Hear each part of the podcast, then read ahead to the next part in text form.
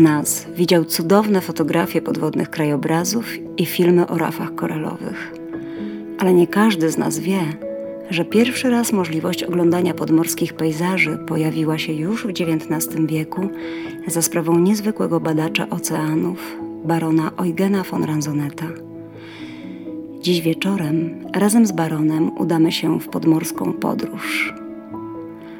Ułóż się wygodnie, odpręż, rozluźnij mięśnie, zamknij oczy i powoli zanurz się w naszej opowieści. Eugen von Ranzonet urodził się w 1838 roku w arystokratycznej wiedeńskiej rodzinie. Jego ojciec był urzędnikiem państwowym i zadbał o gruntowne wykształcenie syna. W wieku 11 lat Eugen był już studentem Akademii Sztuk Pięknych w Wiedniu. Nie poprzestał jednak na tym i poszedł studiować prawo. I tak to dzięki talentom i koneksjom już jako dwudziestolatek podjął swoją pierwszą pracę w Ministerstwie Spraw Zagranicznych. Dla ciekawego świata i żądnego przygód młodzieńca była to wymarzona posada. Kiedy tylko trafiała się okazja, Ranzonet wyruszał w podróż. Im dalej, tym lepiej.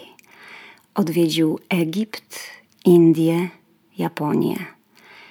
Każdą swoją podróż dokumentował szkicami, z których wiele możemy dziś oglądać w muzeach. Największą sławę przyniosły szkice z Ceylonu. Dlaczego? Zaraz się dowiesz. Bo na Ceylon, dziś znany jako Sri Lanka, popłyniemy razem z baronem. Jest listopad 1864 roku, kiedy Eugen von Ranzonet przybywa na wyspę Ceylon i zatrzymuje się w forcie Gal.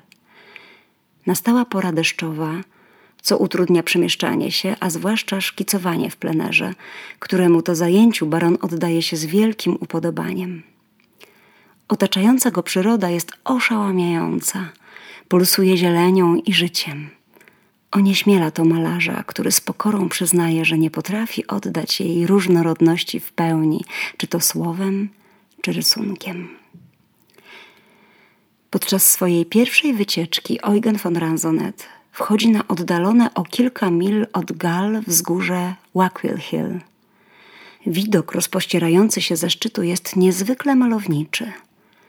Tereny rolnicze, jak to się często zdarza, przypominają piękny park. Rzeka Wackville meandruje przez ścielące się zielenią pola, od czasu do czasu znikając w cieniu drzew, wśród których królują wyniosłe palmy kokosowe. Podczas długich porannych spacerów baron bacznie obserwuje otoczenie, a swoje obserwacje skrupulatnie notuje. Drogi, które są doskonale utrzymane, mają czerwony odcień i prowadzą przez jaskrawo zielone pola i zacienione gaje palm kokosowych i areka, platanów i bambusów, które z gracją chylą swe gałęzie nad ścieżką. Von Ranzonet szybko orientuje się, że piękne gaje zamieszkują czarne małpki nizinne, przez miejscowych zwane Kalu Waterloo. Zwierzątka z rzadka tu niepokojone nie boją się ludzi i mają w zwyczaju przyglądać się pieszym wędrowcom ze szczytów drzew. Teraz też z uwagą wpatrują się w dziwnego przybysza, skacząc po palmach. To palmy cukrowe, zwane tu kitul, z których wytwarza się ogromne ilości słodkiego soku. Po odparowaniu wody powstaje z niego brązowy cukier. Ziemia u stóp palm przykryta jest grubym dywanem pięknych krzewów lantana mixta, które rozprzestrzeniły się tak gwałtownie, że stały się utrapieniem dla rolników. Niezliczone małe ptaszki i motyle dodają blasku zieleni, a duże jaszczurki monitor, osiągające długość około jednego metra, praktykują rozkoszne nieróbstwo w porannym słońcu. Wyprawy w głąb lądu są fascynujące, jednak barona ciągnie do morza. Na brzegu oceanu, na wprost gal, fantastycznie poskręcane konary pochutnika wiją się jak węże od klifu do klifu, wsparte na licznych, długich, przypominających nogi korzeniach. Główny pień dzieli się na mnóstwo gałęzi, każda z nich zakończona jest kępką lancetowatych liści. Wiele korzeni ma rudawy odcień. Dzięki temu tworzą ekspresyjny pierwszy plan na tle spokojnej, ciemnoniebieskiej powierzchni morza, które czasem widać poprzez ich splątaną sieć. A co kryje się pod wodą?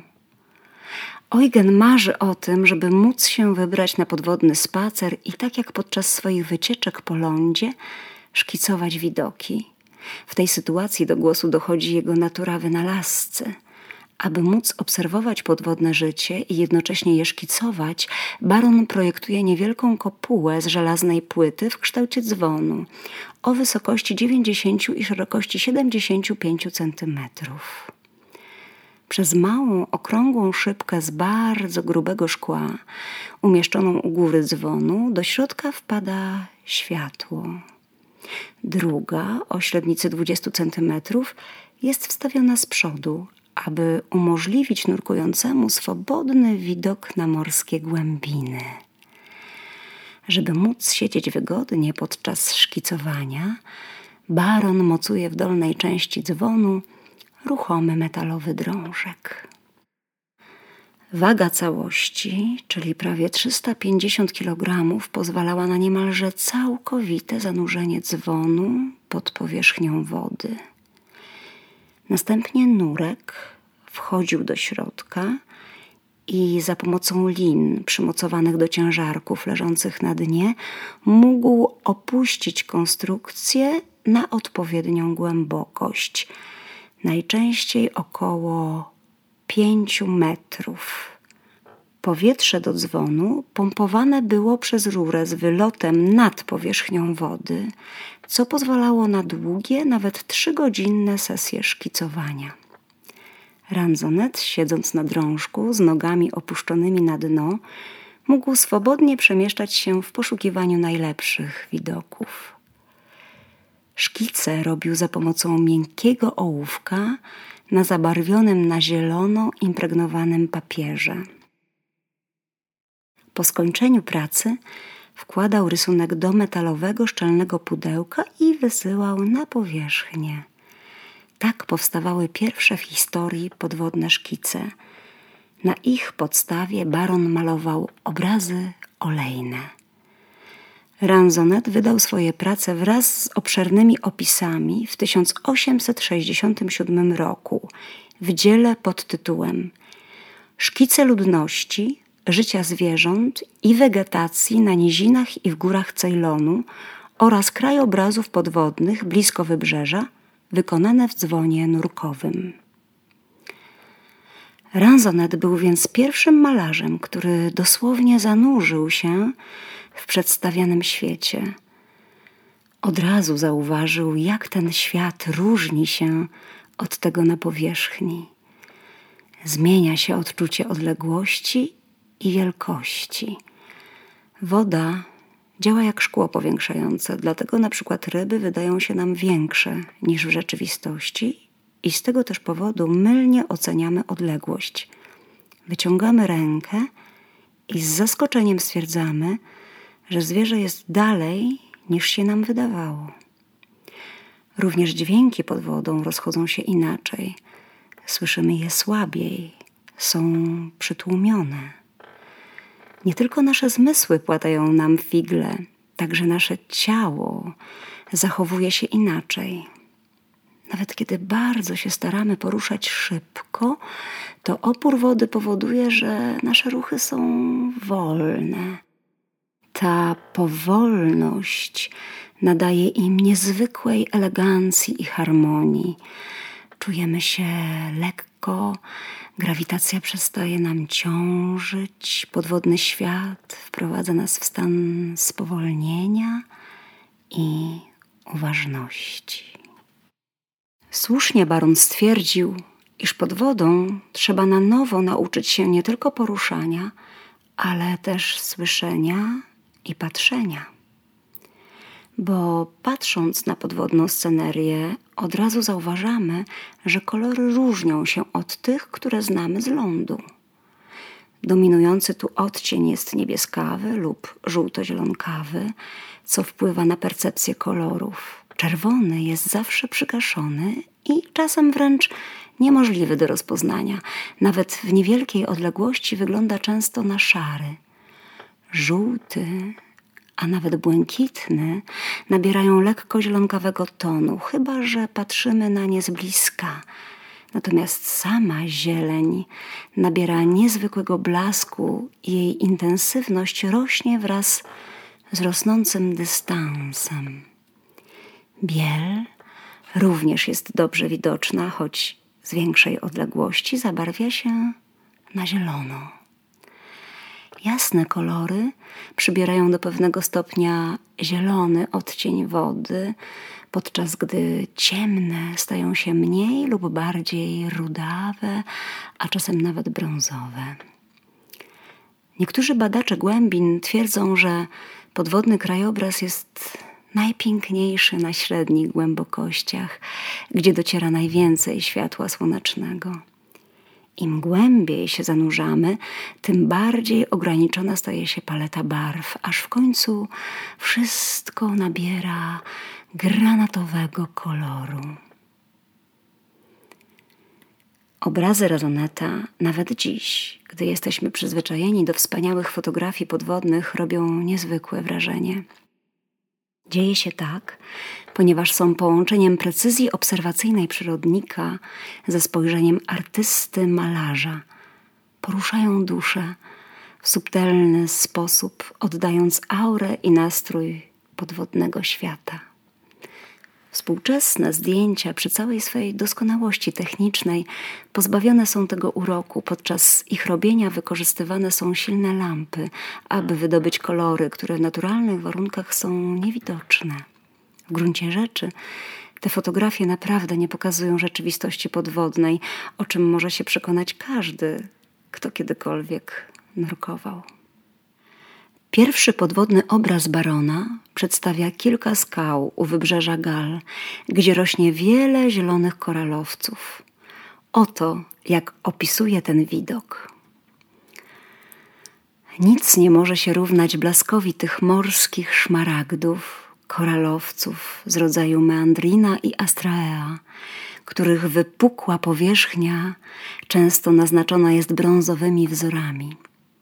Koralowiec kielichowy wyróżnia się wdzięcznym kształtem kielicha i gładkim zielonym kolorem, który zmienia się w ciemną szarość, gdy nieostrożnie się z nim obchodzimy. W najwyższych partiach skał delikatna pocilopora o niezwykle różowym zabarwieniu i zielonkawych drobnych wyrostkach kontrastuje z żywą zielenią meadrepory, a pocilopora verucosa – inny okaz tego gatunku, obsypana jest dużymi polipami o brązowej barwie. Pewien rodzaj montipora o podobnej barwie i kruchych kształtach rozrasta się w sposób podobny grzybom. Żółta igiętka alceonia, koral korkowy, rośnie na pionowych ścianach skalnych, pokrytych zielonymi krążkami, zoantusami które przypominają kształtem stokrotki. Najróżniejsze ryby zamieszkują tę ciekawą przestrzeń.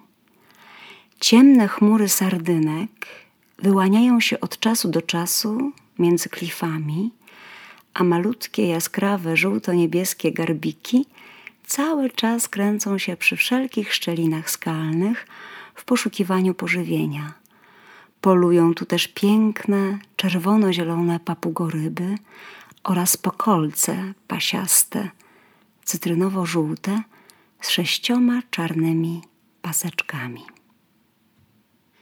Baron Ranzonet spędził wiele godzin w płytkich i bezpiecznych wodach Fortugal, podziwiając, opisując i rysując cejlońskie rafy koralowe. Dołączmy do niego. Słońce prześwietla krystaliczną wodę, Świetliste linie, powstałe przez rozszczepienie promieni na małych falach, muskają piaszczystą powierzchnię płaskiego, zielonego dna i wdzięczne kształty koralowców. Wyróżnia się wśród nich pełen gracji, kruchy jak szkło, brązowy koral madreporowy. Poniżej jego szerokich, płaskich liści widać kuliste gromady fawia o strukturze plastra miodu oraz ogromne bloki koralowców ognistych, brązowych lub żółtych, o białych końcówkach wyrostków. Nazwa koralowiec jest tu myląca, gdyż w rzeczywistości są one bliżej spokrewnione z meduzami. Jedynie z wyglądu przypominają koralowce. Są to zwierzęta bardzo kruche, a jednocześnie bardzo parzące. Lepiej się do nich nie zbliżać. Najbardziej popularnymi koralowcami występującymi w tej okolicy są korale madreporowe – które czasem pokrywają rozległe obszary, zupełnie jak krzaczaste zarośla. Osiągają wysokość od 60 do 90 centymetrów, a ich brązowe gałązki są szczególnie atrakcyjne dzięki swoim fioletowym koniuszkom, które błyszczą pod wodą jak klejnoty. Widzimy tu też wiele ryb, które często zasiedlają te okolice. Najdziwniejszy z nich wszystkich jest czarno-żółty idolek mauretański z wysuniętym pyszczkiem i długą płetwą grzbietową, która kończy się białą, podobną do wstążki wicią. Wić prostuje się pionowo do góry, jakby stawała na baczność, gdy zwierzę jest pobudzone. Na górze, tuż pod powierzchnią wody, mała, niebiesko-zielona rybka gamfos pływa zwinnie między koralowcami, podczas gdy inna, ciemnobrązowa, wynurza się w poszukiwaniu pokarmu. W tym samym czasie pokolec strojny utrzymuje się tuż przy dnie, pozwalając nam podziwiać eleganckie, niebieskie i żółte pasy na swoim grzbiecie. Baron Ranzenet odkrył, iż małe oczka wodne na rafie koralowej, które powstają podczas odpływu, są doskonałym miejscem obserwacji. Krystalicznie czysta woda jest podczas odpływu tak spokojna jak akwarium, gdy tymczasem wysokie fale rozbijają się z hukiem na ostrych brzegach rafy w oddali. Te oczka wodne są szczególne ze względu na ogromną różnorodność zwierzokrzewów. No właśnie, zwierzokrzewy. Jakaż to wspaniała nazwa dla koralowców. Rzadko używana, a chyba najlepiej opisująca, czym są te morskie twory. Koralowce to zwierzęta, choć wyglądem przypominają gałęzie wielkie grzyby lub właśnie krzewy. Są niezwykle delikatne i bardzo łatwo ulegają uszkodzeniom. Wrażliwe na temperaturę i zanieczyszczenia wody, zależne od żyjących z nimi w symbiozie ryb, są w dzisiejszych czasach zagrożone wyginięciem. Jednak wróćmy do naszej rafy w pobliżu Gal jej brzeg składa się głównie z kilku rodzajów madreporowców, czyli koralowców kamiennych. Ale różnorodność zwierzokrzewów jest w tej okolicy ogromna, zarówno tych miękkich, jak i kamiennych. Naszą uwagę przyciąga szczególny okaz koralowca miękkiego. To koral korkowy o giętkim szkielecie. Pod wodą widzimy go w bladych kolorach, ma płaską podstawę, liczne brunatne wypustki i krótkie gałęzie. Towarzyszące mu koralowce są żółto-brązowe lub białawe, przyjmują trudne do opisania kształty. Duże formacje, częściowo porośnięte korkowcem, to meandriny, które należą do grupy koralowców kamiennych inne kamienne koralowce, tym razem o kształcie dysku, rosną na ich szczycie. Nawet kamienie leżące na piaszczystym dnie z pewnością zainteresują zoologa, gdyż okazują się być bardzo młodymi koralowcami. Choć oczywiście kategorie wieku koralowców w niczym nie przypominają tych u ludzi. kolonie koralowców żyją po kilkaset lat, a niektóre rodzaje mogą osiągać wiek ponad 4000 lat, co jest rekordem wśród zwierząt. Ryby znajdujące schronienie w zakamarkach koralowców nie muszą się więc obawiać, że ich domostwo nagle zniknie i cieszą się bezpieczeństwem oczek wodnych, wypływając ze swoich kryjówek. Wśród tych cejlońskich ryb wyróżnia się bajecznie kolorowe ryby z gatunku hetonikowatych. Najwspanialszy okaz w tej rodzinie ma boki ozdobione prawie wszystkimi kolorami tęczy. Te osobliwe rybki o owalnym, a czasem niemal kwadratowym kształcie są w nieustającym ruchu i zawsze głodne. Ciągle coś skubią swoimi podobnymi do dziobów pyszczkami.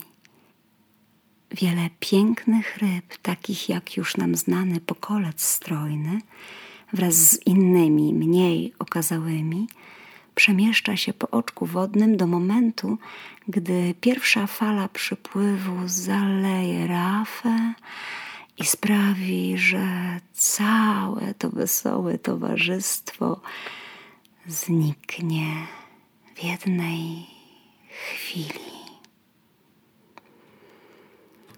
Teraz jednak woda jest spokojna i cicha. Kołyszemy się delikatnie na falującej powierzchni. Ciepła woda wprowadza stan głębokiego odprężenia. Pozwalamy naszym myślom odpłynąć.